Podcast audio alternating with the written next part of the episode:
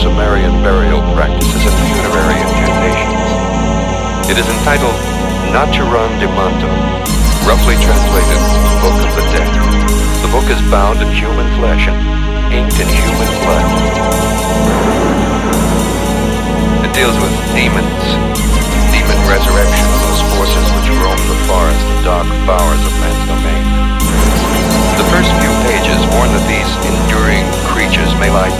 are never truly dead.